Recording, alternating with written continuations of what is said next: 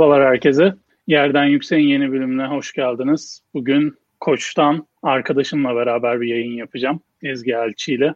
Nasılsın Ezgi? İyiyim, teşekkürler Ferhat. Sen nasılsın?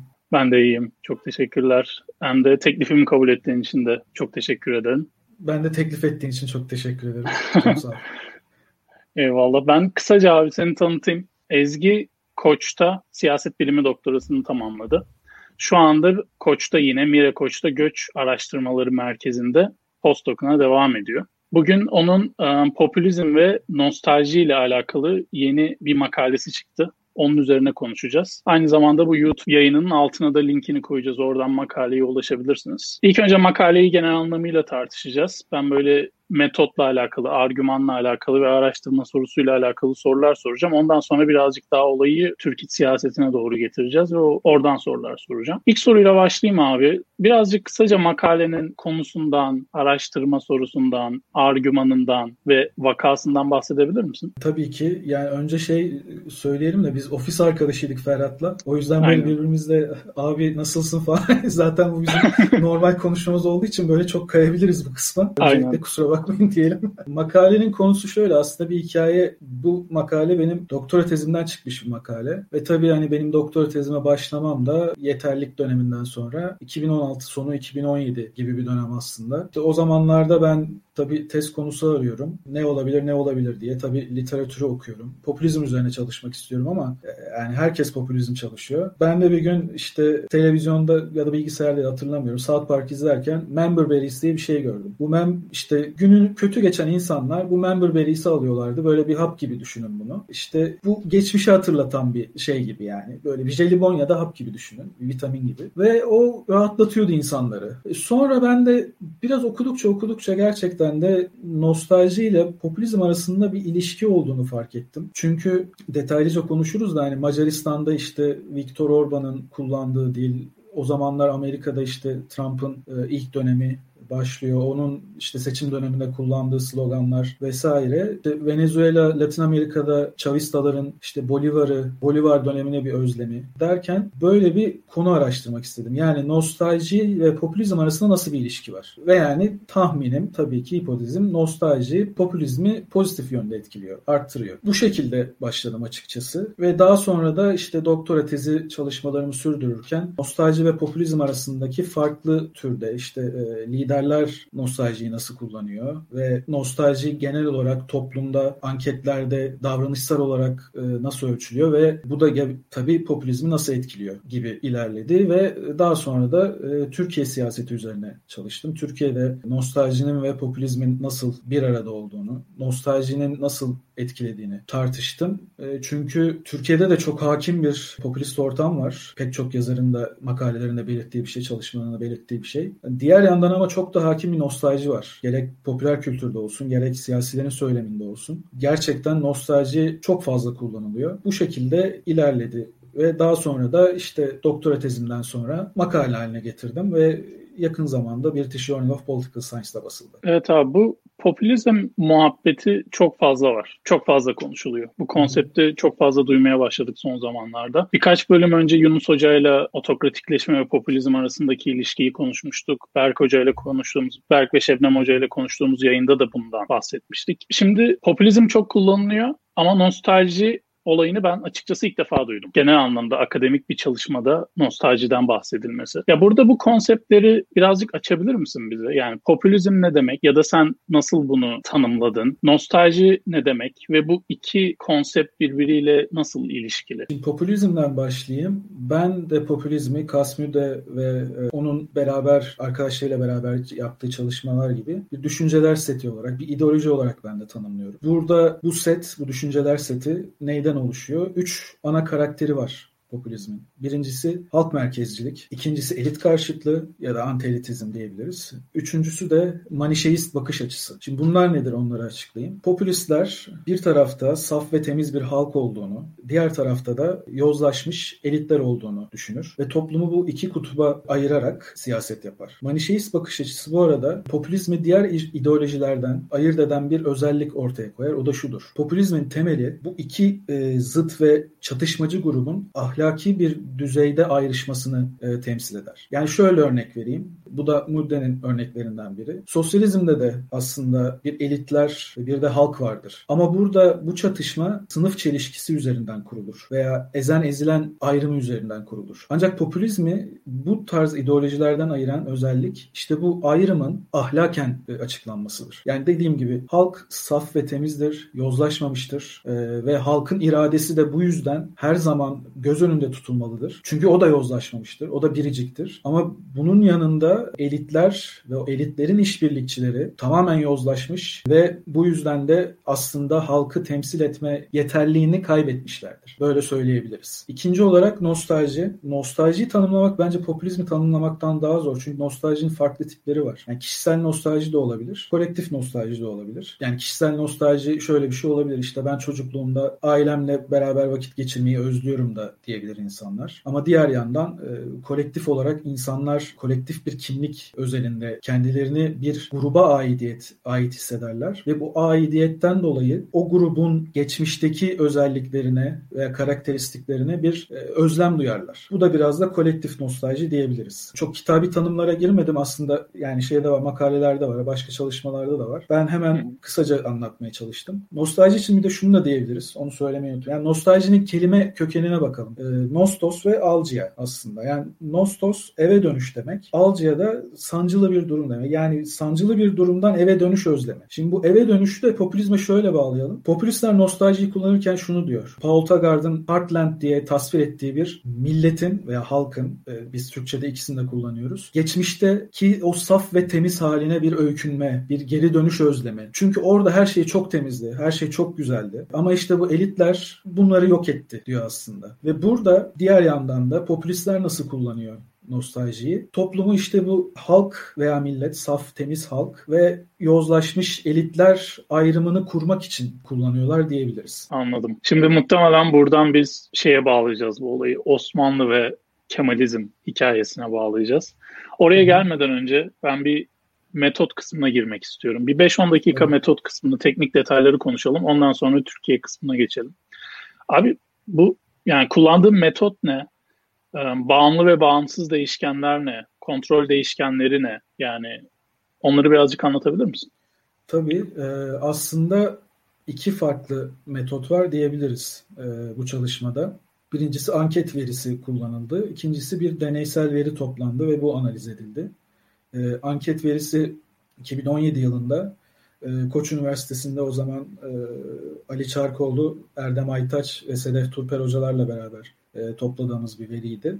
Diğer deneysel veriyi de anket verisi üzerine e, vardığım sonuçlara dayanarak e, ben kendim topladım. Anket verisinde tabii birincil e, bağımsız değişken nostalji ve bağımlı değişkenim de popülizm.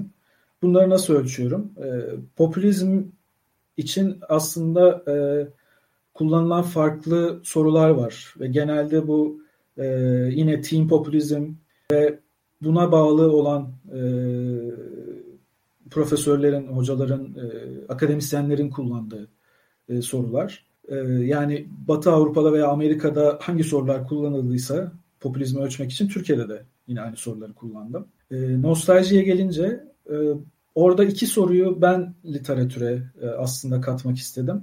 Diğer iki soru da farklı çalışmalardan yine e, alındı veya uyarlandı.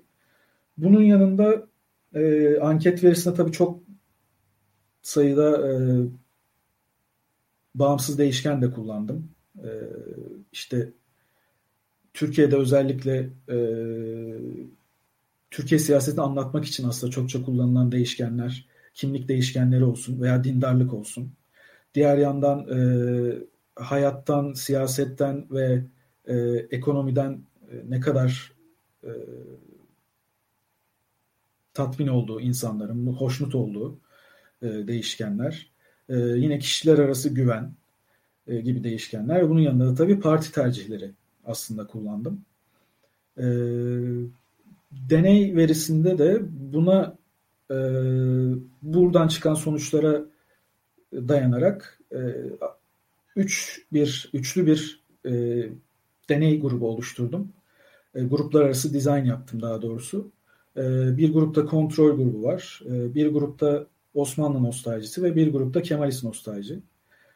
katılımcılar tabii ki bu deneye gönüllülük esasıyla katılıyorlar. Ve daha sonra tesadüfi olarak bu üç gruptan birine geliyorlar. Kontrol grubu alan, kontrol grubuna denk gelen katılımcılar herhangi bir mesaj almıyorlar. Ee, Osmanlı veya Kemalist grubuna gelen, nostalji grubuna gelen katılımcılar da Osmanlı'yı hatırlatan veya Kemalist e, dönemi hatırlatan, e, Mustafa Kemal Atatürk ve İsmet İnönü dönemlerini hatırlatan mesajlar okuyorlar. Ve daha sonra her üç grupta e, yine popülizme dair, popülizmi ölç, ölçen sorulara yanıt veriyorlar. E, ve yine işte burada da sonuçlara baktığımızda anket verisinde e, nostalji ve popülizm arasında e, kuvvetli ve pozitif bir ilişki. Yine e, Osmanlı nostaljisinin de popülist tutumları e, pozitif yönde etkilerine dair bir ilişki çıktı. E, Kemalist nostaljinin de aslında bir etkisi var ama bu istatistikler olarak anlamlı bir ilişki değil. Tabii bunun pek çok sebebi olabilir. E, verinin toplanışı e, ve o veri de 2018 yılında toplandı. Üstüne 3 sene geçti aslında. E, yani şu anda ölçsek belki başka şeyler de çıkabilir. E, Kemalist nostalji özelinde. E, belki de bu konuya daha da eğilinmesi gerekiyor akademik çevrelerde. E, hı hı. Kısacası böyle sanırım değil mi? Soruyu anlatmaya başladım. Güzel abi. Yani aynen şeye de girmiş oldun. Aslında ben sonuçları da soracaktım. O kısma da birazcık Hı-hı. girmiş oldum. Um, şimdi sonuç kısmında şimdi ben makaledeki şeye um, table'a baktığımda yani genel olarak senin odaklandığın nokta bağımsız değişken, nostalji ve popülizme olan ilişkisine odaklanıyorsun. Orada farklı kontrol değişkenleri de var. Yani burada sonuçlardan birazcık bahsederken aynı zamanda o kontrol değişkenlerinden, diğer değişkenlerden hangisi popülizm üzerinde daha fazla etkiliydi? Onlardan biraz bahsedebilir misin? Tabii yani nostalji zaten dediğim gibi etkiliydi. Bunun yanında e, şehirlerde yaşayan insanlar, büyük şehirlerde yaşayan insanlar çok pardon, e, daha az e, popülistler. E, Türkiye'de tabii bu e, biz ve onlar ilişkisi biraz da dindarlık üzerinden kurulduğu için e, dindarlar biraz daha popülist çıkıyor. AB Türkiye'nin AB üyeliğini destekleyenler az önce söylemeyi unuttum. O değişkeni de kullandım. Türkiye'nin AB üyeliğini destekleyenler daha az popülist çıkıyor ki zaten bu çok normal. Avrupa'daki çalışmalara da baktığımızda popülistler genelde e, AB'ye şüphecilikle yaklaşıyorlar. E, bunun yanında e, hayattan memnuniyet ilginç bir şekilde pozitif ilişkili. Yani hayatından daha memnun olan insanlar daha fazla popülist e, tutumlara sahipler. E, e, tabii bu bir yandan da şöyle bir şey yani e, uzun süredir bir popülist iktidar olduğu için Türkiye'de e, belki de hani anketin de çoğunluğunu oluşturanlar onlar olduğu için e, çok da şaşırtıcı değil sonuç. Kaldı ki bu e, diğer Latin Amerika'daki e, ülkelerde de gözüküyor. E, Singer'ın 2018'deki bir makalesinde de popülizm değil ama e, farklı e, liberal olmayan e, demokratik tutumlara karşı e, olan ilişkisine baktıklarında yine e, böyle bir şey görüyorlar. E, tabii Macaristan var, Polonya var. Farklı bu şekilde popülistlerin iktidar olduğu, uzun zamandır iktidarda olduğu ülkeler var. E, o yüzden yine şaşırtıcı değil. E, ve yine e, AKP e, seçmenleri biraz daha popülist çıkıyor diğer parti seçmenlerine hı hı. göre. O zaman son noktandan şeye bağlayacağım. Genellenebilirlik sorusuna. Hı hı. Yani sen şimdi bu makalende vaka Türkiye ama genelde biz bu tarz makaleleri yazarken belli bir genel genellenebilirlikle alakalı belli bir argüman da sunarız. Um, şimdi bu Türkiye'deki benzer dinamikleri başka ülkelerde gözlemledin mi hiç? Yani nostalji ve popülizm ilişkisiyle alakalı ve gözlemlediysen de bu makalendeki ana argümanın ve hipotezlerin um, ne kadar genellenebilir olduğunu düşünüyorsun farklı kontekstlere? Şimdi aslında Osmanlı ve Kemalist nostaljisini bizatihi başka bir yerde uygulamak e, imkansıza yakın. Çünkü bunlar çok e, kendine özgü tip nostaljiler. Tabii ki genelleme konusunda e, direkt olarak bu nostaljileri alırsak zorluk yaşayabiliriz. E, şimdi e, Semih Sinanoğlu ile yine bir proje üzerinde çalışıyoruz. Acaba bu Osmanlı nostaljisi eskiden Osmanlı toprağı olan yerlerde e, bir şekilde hala var mı gibisinden. E, belki ileride e, bunu yayınlama fırsatımız olur. E, umuyorum. Daha çok başındayız gerçi. Bunun yanında dediğim gibi aslında farklı ülkelerde e, popülist aktörler e, nostaljiyi kullanıyorlar. Yani işte Macaristan'da bir Trianon e, anlaşması dönemi öncesinde duyulan bir özlem var. E, o, o zaman e, Macaristan topraklarının e, hiç de adil olmayan bir şekilde koparıldığını, parçalandığını ve e, o yüzden de e, Macaristan'ın daha sonra işte daha bir daha küçük çapta daha etkisiz bir ülke diyeyim daha doğrusu olduğunu savunan e, Viktor Orban var. E, işte Maduro'dan bahsettim, Trump'tan bahsettim zaten. Batı Avrupa'ya geldiğimizde de şöyle bir şey var. E, bazı çalışmalar mesela şunu gösteriyor. E, ülkelerin Avrupa Birliği üyesi olmadan önceki dönemi. Bu döneme duyulan bir özlem e, ortaya çıkıyor. Veya e, göçmenlerin aslında bu kadar çok e, Avrupa'da olmadığı zamanlara duyulan özlem diyeyim. E, böyle şeyler de görüyoruz.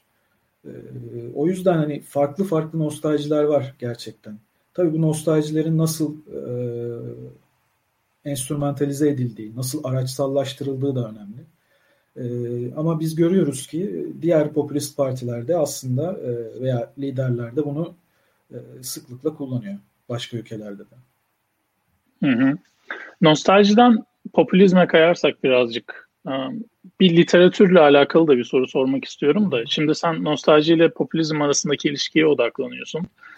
E, liderlerin popülist söylemlerine etki eden nostalji dışında başka ne faktörler var? Literatürde nelerden bahsediliyor genelde?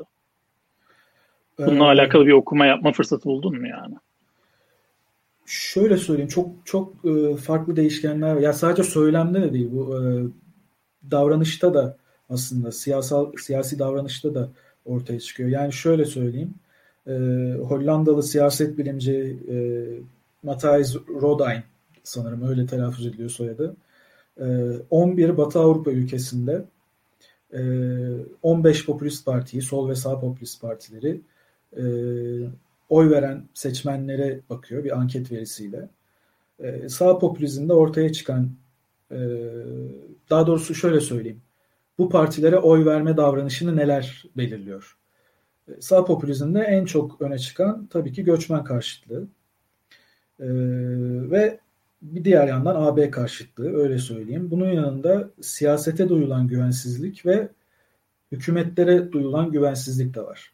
Tabii orada e, popülistler genelde muhalefette Batı Avrupa ülkelerinde genel olarak.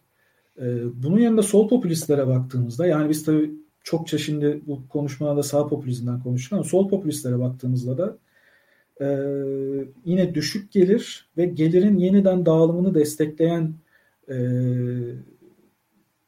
kişilerin daha fazla e, sol popülist partilere oy verdiğini görsek de Sağ ve sol popülist partileri bir arada tutan bir şey daha var. Yine siyasete duyulan güvensizlik ve hükümetlerden e, memnuniyetsizlik. Yani bu iki grubu da bunlar bir araya getiriyor diyebilirim.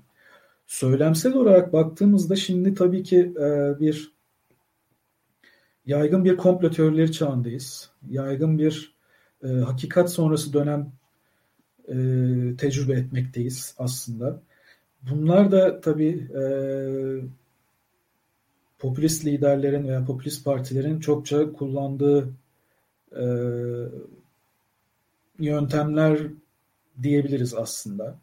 E, bir tarafta yani yanlış bilginin bu kadar hızla yayıldığı, özellikle sosyal medya kullanımında e, gördüğümüz. E, işte bunu tabii e, en son e, Amerikan seçimlerinden sonra e, işte Twitter'ın fact checking yapması, Trump'ın hesabına, Donald Trump'ın hesabına koyulan engeller vesaire, e, erişimin engellenmesi, e, bunda hani bir yandan da bu tarafa doğru gelmiş oldu aslında olay. E, böyle bir şey var. Ama aslında bir de göz ardı edilen bir şey daha var bence. Popülist partiler popülizm aslında kendileri de yeniden üretiyorlar. Yani bir popülist söylem beraberinde başka bir popülist söylemi beraberinde getiriyor getiriyor. Ve hani e, popülistlerin aslında önerdiği çözümler çok günlük çözümler, çok basit e, gelen şey. İşte ne oldu? Göçmenler geldi. O zaman sınırları kapatalım. Yani hani çok böyle e, hani işte ya siyah ya beyaz çözümler olduğu için e, medya organları da aslında bunlara böyle e, hemen şey oluyor. Yani abi ne güzel bunu e, yayınlayalım. Yani İsveç'te yapılan bir araştırma vardı. E, yazarın adını unuttum kusura bakmayın. E, yani özellikle İsveç'teki Popülist Parti, e, İsveç Demokratları bunların böyle bir anda e, medyada görünürlüğü artıyor. Yani bu söylemleri kullandıkça. Bu tabii bir şeyi getiriyor bir yandan da. Hani bir structure, bir yapı mı yaratıyor e, desek diyebiliriz aslında. Yani ve daha sonra da e, işte popülizm bulaşıcı mıdır değil midir? Buraya geliyor bir yandan da konu. Ee, bazı çalışmalar bunu iddia etse de aksini iddia eden çalışmalar da var. Yani popülizm bulaşıcı değildir aslında diyor. Ee, ama belki de e, minimumda da olsa bazı şeyleri o popülist söylem e, bir yere sıkıştırmış oluyor. E, ve burada da işte o e, popülizmin panzehri olan çoğulcu söylemi olumsuz etkilemiş oluyor diyebiliriz. Anladım. Um, çoğulculuktan da birazcık şeye bağlayayım. Türkiye'nin geleceğini. Akademisyenlerin çok sevmediği kısım, tahmin kısmı. Evet. Genelde bu programda mutlaka herkese bir tane bir akademik olmalarına rağmen, akademisyen olmalarına rağmen bir tahmin sorusu sordum. O soruya gireyim ben. Ya şimdi sen birazcık sol popülizme de girdin. Genelde popülizm konuşulduğunda hep sağ popülizm üzerinden konuşuyoruz. İktidar değişirse Türkiye'de ve sağ tandanslı bir iktidar olmazsa AK Parti'den sonra Kemalizm bir nostalji ürünü olarak sence popülizme katkı sağlayabilir mi? Senin çalışmanda istatistiksel olarak önemli değildi etkisi Kemalizmin. Ama hükümet değişirse ve sağ tandanslı bir hükümet gelmezse sence Kemalizm e, popülizme katkı sağlayan bir faktör olabilir mi?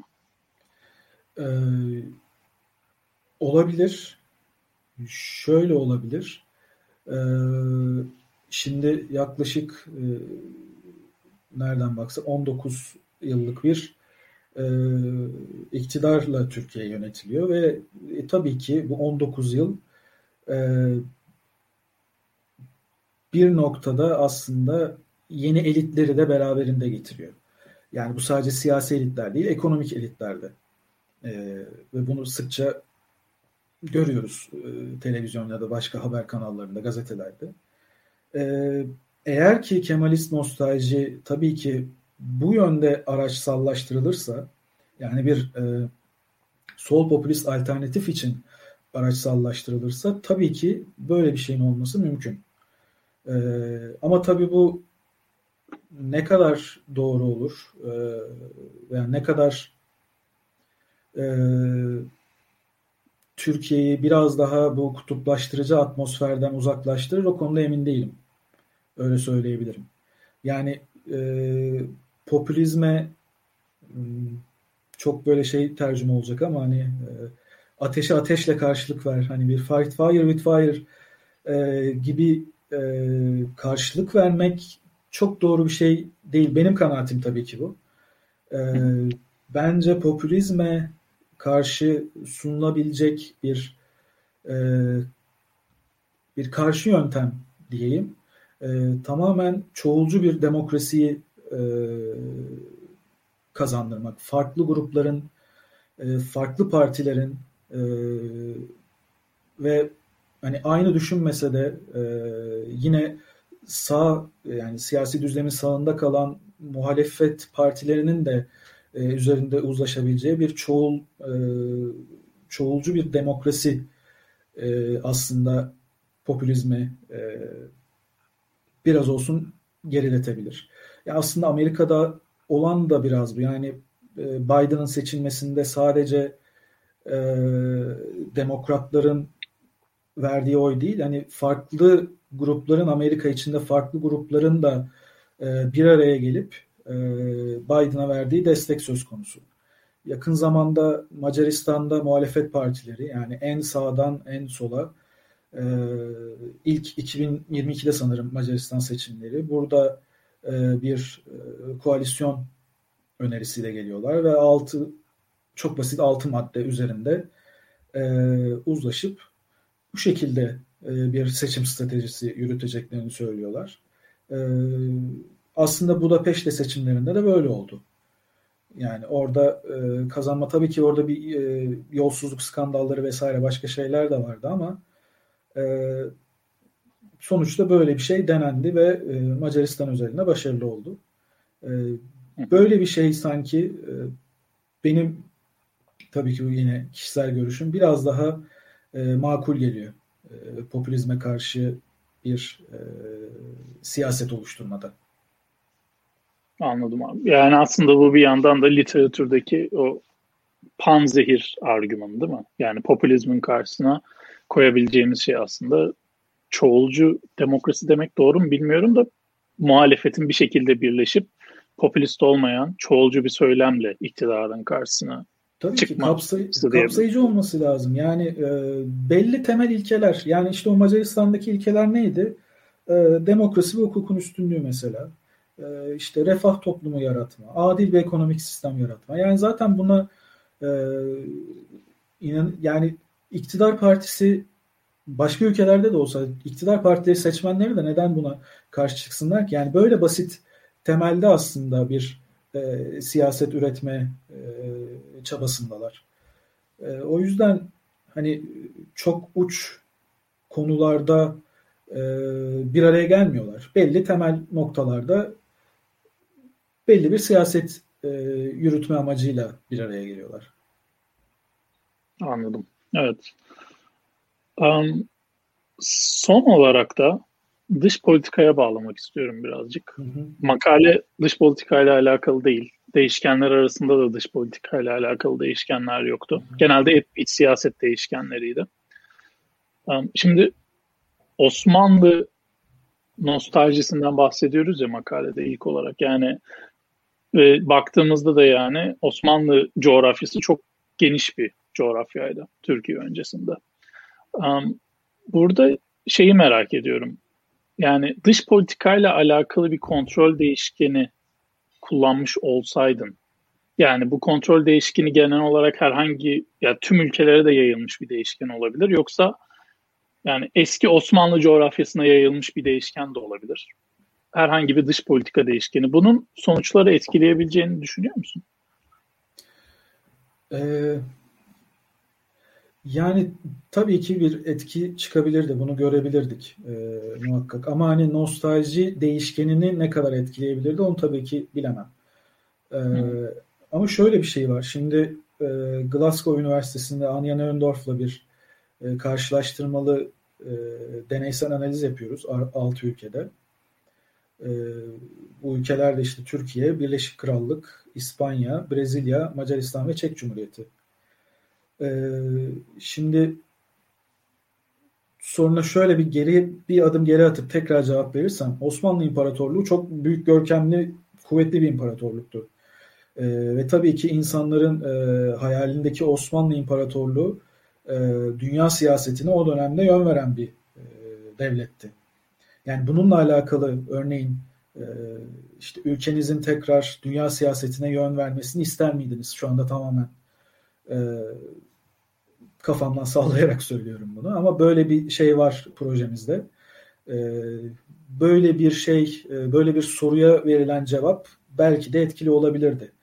E, tabii bu ne kadar uluslararası ilişkiler veya dış politika ile alakalı bilmiyorum yine ama e, yine de ülkenin insanların yaşadığı ülkenin dünya siyasetine yön vermesini e, önemli görmesi de belki de e, böyle bir çalışmada anlamlı olabilirdi. Hı hı. Aslında evet bu soruyu sorarken kafamdaki iki nokta vardı. Bir tanesi senin bahsettin. İkincisi de yani liderler popülist söylemler kurarken genelde hani dışarıdaki bir sorun üzerinden de popülist söylem kurabiliyorlar ya. Yani hmm. işte Rus uçağı düşürüldü, onun üzerinden içeride bir popülist söylem kurma veya işte Trump'ın söylemleri üzerinden, Trump mektubu veya işte Suriye'deki operasyonlar. Yani dışarıdaki sorunlar üzerinden çok fazla bunlardan yararlanarak yani biraz da literatürde hani bu rally around the flag effect diyorlar ya yani bayrak etrafında toplanma etkisi. Yani bunun da aslında popülizme karşı bir yani popülizmle bunun arasında da bir ilişki var. Benim kafamdaki şey de oydu mesela. Yani bu tarz dış politika değişkenlerini belki eklediğimiz zaman um, yani mutlaka nostalji hala önemli çıkacaktır. Ama önemli bir değişken olabilir diye düşünmüştüm popülizm. Yani şöyle söyleyeyim, e, haklısın ama bunu nostaljiyi bir kenara bırakalım. E, popülizmi açıklayan bir değişken olabilir mi bu? E, yani dış politika, popülist partilerin dış politikası veya dış politika tutumları ve popülizm ilişkisi aslında çok az çalışılmış bir konu. E, benim bildiğim bir iki makale ve e, kitap bölümü var bununla ilgili. E, onun dışında e, tabii ki haklı sebepleri var e, bu konunun çalışılmamasında. Çünkü popülist partilerin de farklı dış politika tercihleri olabiliyor. E, ama yani böyle bir konu gerçekten çalışılması gerekir diye düşünüyorum ve umarım e, belki de biz beraber çalışırız ileride neden olmasın. Aynen. Konu bulmuş olduk. Güzel oldu. Evet yani neden olmasın? Gerçekten güzel olur yani. Böyle bir şey bir aralar vardı kafamda tabii ama e, yani bu çalışmaları yapmak tabii ki hem zaman hem kaynak isteyen şeyler. E, belki de yapabiliriz. Neden olmasın? Aynen. Yayından sonra bunu konuşuruz seninle. Evet. um, abi sorular bu kadar bende. Senin eklemek Hı-hı. istediğin bir şey var mı son olarak? Ee, şu an için yok aslında yani. Ee, dediğim gibi bu çalışma aslında e, her ne kadar tek ülke üzerinden de çıkmış olsa e, umuyorum ki ileride e, bu çalışmanın üzerine bu çalışmayı yanlışlayan veya doğrulayan başka akademik çalışmaların da yapılmasını umuyorum tabii. E, bu alanda çünkü e, nostalji ve popülizm arasındaki ilişki e, çokça konuşulan ama çok az e, verilerle test edilen bir konu. Umuyorum ki dediğim gibi ileride bu alanda biraz daha akademik çalışmalara alan açtıysam ne mutlu bana. Umarım başka çalışmalarda gelecektir. Çok teşekkür ederim. Yani ben çok zevk aldım makaleyi okurken. Hatta sana da yazdım direkt olarak ben bu makaleyi buradaki verdiğim araştırma metotları dersinin içeriğine ekleyeceğim mutlaka. Çünkü yani hem metodoloji olarak hem de yazım dili olarak çok net değişkenler ortada. Her şey çok açık. Bundan dolayı ben sana teşekkür ederim böyle bir makale yazdığın için. Hem de yayına katıldığın için de çok teşekkür ederim. Çok sağ ol tekrar. Aa. Yani bu anlattığım gibi en başında hani çok uzun süre e, çalışılmış, yazılmış bir şey. Yani akademik makalelere biraz daha vakit ayırmamız lazım sanki. Ee, yani çok kısa sürede e, yazmaktansa biraz daha üzerlerinde çalışıp biraz daha e, geri bildirimler alıp farklı konferanslarda sunup e, daha da yayına iyi hazırlayabiliriz diye düşünüyorum. Evet abi okuyanlar da fark edecek ne kadar emek konduğunu. Son kısmını okuyanlar kaç tane konferansta bunu sunup kimlerden feedback alıp o teşekkür kısmında görecekler zaten. Emeği de görmüş olacaklar. Çok teşekkürler abi. Hem Çok makale için, yayına katıldığın için. Bugünlük yayın bu kadar. Bir dahaki yayında görüşmek üzere. Herkese çok teşekkürler.